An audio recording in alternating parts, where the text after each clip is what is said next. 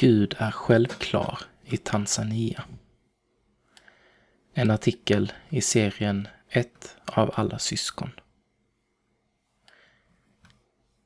Info om Tanzania. Huvudstad Dodoma. Befolkning 52,5 miljoner. Officiella språk swahili och engelska. President John Magufuli. Gränsar till Kenya, Rwanda, Burundi, Kongo-Kinshasa, Zambia, Malawi och Mosambik. Namn Judith George. Ålder 22 år. Bor Dodoma. Sysselsättning Förskollärare. Vilka religioner finns i Tanzania?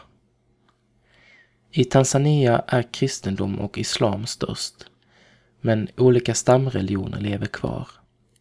Det är till exempel inte ovanligt att man hör om besök hos häxdoktorer och nyligen drevs en rikskampanj för att stoppa tron att albinokroppsdelar har magiska egenskaper. Hur är relationen mellan de olika kyrkorna och religionerna? Majoriteten av folket är kristna och den lutherska kyrkan är den största i landet.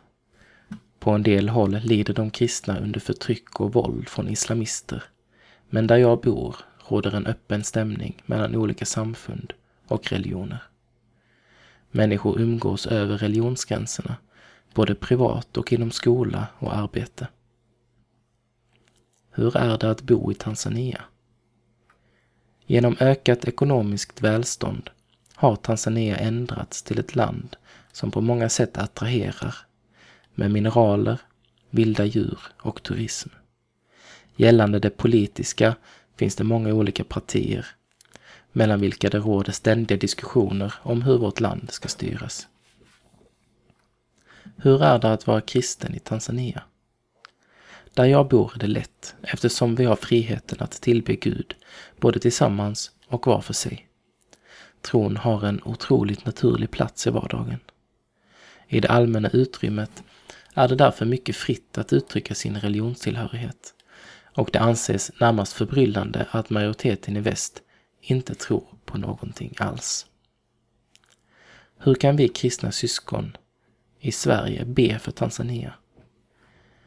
Vi skulle önska att ni ber för ännu mer fred och glädje i vårt land, Tanzania.